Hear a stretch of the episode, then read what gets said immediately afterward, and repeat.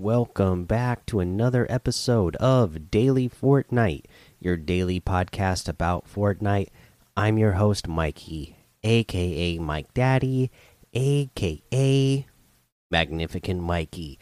So, today, last night, in the middle of the night, the water level went down once again. A pretty uh, dramatic uh, recession of the water level. So, if you look around on the map, you're going to see that uh, again, a lot more of the roads have been exposed, especially that road that's going from like, uh, what is it, the Holly Hedge area back over to, you know, going east. I believe that was the one I remember that was exposed a lot more. Anyways, there's a lot more roads that are being exposed, so it is definitely looking like the next update we are going to be getting those vehicles. I can't imagine that they would expose that much more of the roads and not give us the vehicles in the next update, which should be on the 21st, as people were you know the rumors going around that the vehicles would come in on the 21st and that would make sense since that's the next you know the next scheduled update since everything you know if everything goes according to plan. And uh, that's when i'm expecting we're going to see uh, some really cool cars that again i am really excited about those because uh, i just want to uh, drive around in, in some cool new cars some fast cars some big beefy cars and uh, you know like the semi trucks and and see uh, see what kind of damage we can do with those uh, let's see here. Uh, you know, other than that, today, uh, news going on. Of course, the Dream Hack tournament is still going on, like I mentioned. So they they got through the uh the whatever round they were calling us. I can't remember what they were calling these rounds. Anyways, they got through this round, and the grand finals will be tomorrow. So uh, they got the 100 players in each of the EU and in NA East. So uh, you know we'll talk about it more when we know the results of those. I mean, we we know that uh, you know there's some players who were just playing out of their minds today if you go and watch uh, the streams. So it's definitely fun to go watch both EU and NA East. So go check them out uh, because it is a lot of fun to watch, and you're gonna just see uh, a lot of really good gameplay.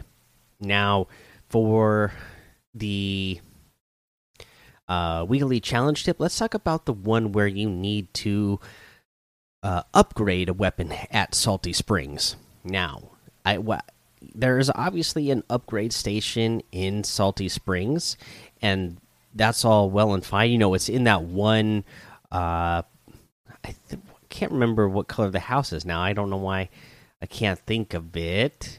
Anyways, it's in the garage of the building that's in the middle on the on the west side of Salty Springs, and that's all well and fine. But here's the problem again you know the same type of thing with the, the, the yacht challenge. You're going to get people going there or the aquaman challenge. You're going to get people who are going to those areas and camping in those spaces just to go ahead and eliminate people trying to get that challenge done.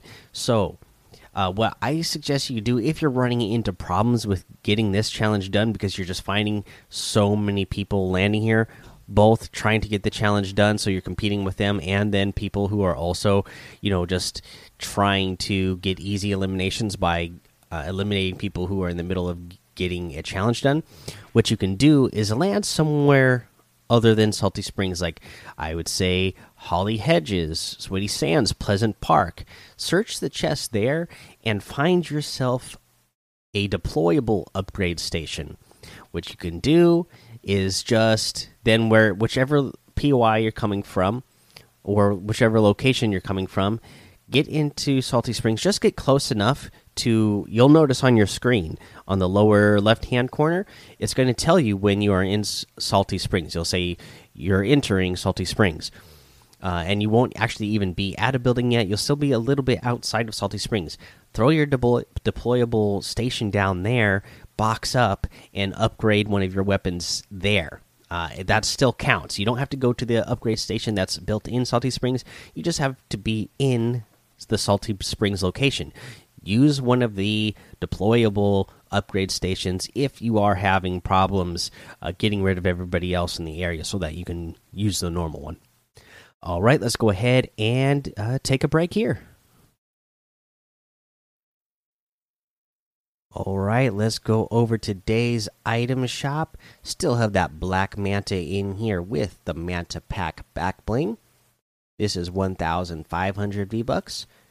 Still have the manta blades harvesting tool for 800. And of course, we still got the double agent pack for 2,500. The shadow pickaxe pack for 1,200. And in the rest of the item shop today, we got a new featured outfit. This is the Par Patroller outfit. Patience and focus wins the match. This is part of the Rough Raider set. This is 800 V bucks. Again, this is another golf uh, outfit, but I like this one a lot more than the one that we got in the past. I love the visor with the sunglasses on it. I love that ponytail up. I love the green and black and white uh, color scheme that we have here looks really good, really clean.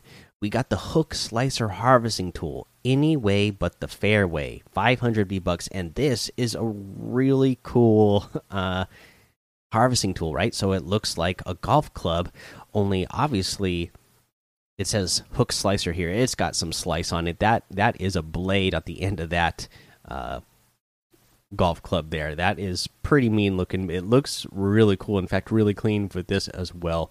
Love again. I love this black, green, and white uh, color scheme that it has going on. 500 V bucks.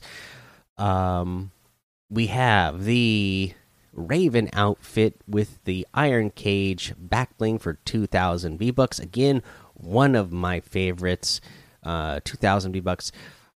So glad to have finally own it. Uh, you know, and uh, you know have somebody gift it to me makes it even that much better. So, uh, still absolutely love this one. The Ravage outfit with the Dark Wings back bling.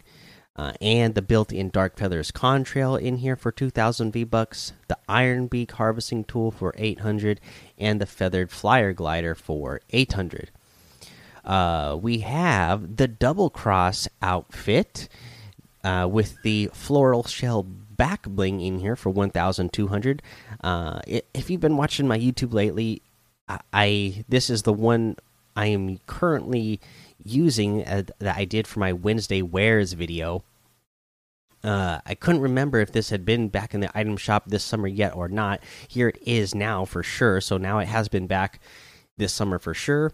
And oh, that Wednesday wears video. Don't don't uh, you know for you guys that were interested in that, don't forget.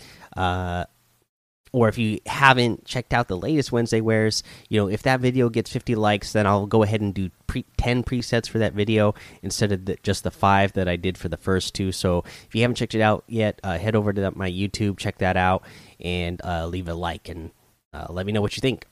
We got the flower print wrap for 300 V bucks. That's a great wrap. Um, we got the focused emote for 200 V bucks, the paddle royale emote for 200, the never gonna emote for 500, and the studded axe harvesting tool for 800 V bucks.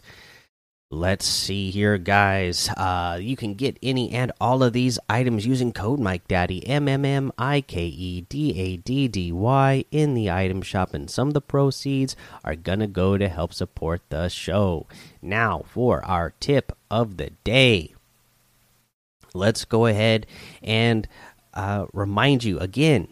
You know, head over just search the map okay? Because again the water levels are going down uh, points of interest are becoming more open. There's other areas that you haven't been able to access that you can now access.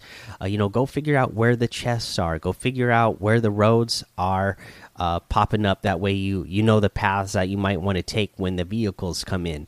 Uh, you know, uh, just really this again this season more than ever, you really got to be familiar with the map changes, just because so many things are changing. You know, even when the new POIs uh, or the old POIs come back when the water levels go down, they're not exactly the same they were before, right? They've been underwater, things have been moving around, even some chests have been moved around. A lot of them are still in the same place, but some of the chests are not in the same place that they used to be before. Uh, so you really got to go check out the areas and figure out where the chests are, uh, figure out how things have moved around because, you know, if if cars or little buildings have been knocked over or moved, you're gonna want to know how you're gonna move in that space. So really go check out all the areas. It's really important to be familiar with it.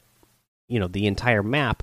So when you uh, get in a fight somewhere, you you know how is the best way to move around that uh, that POI.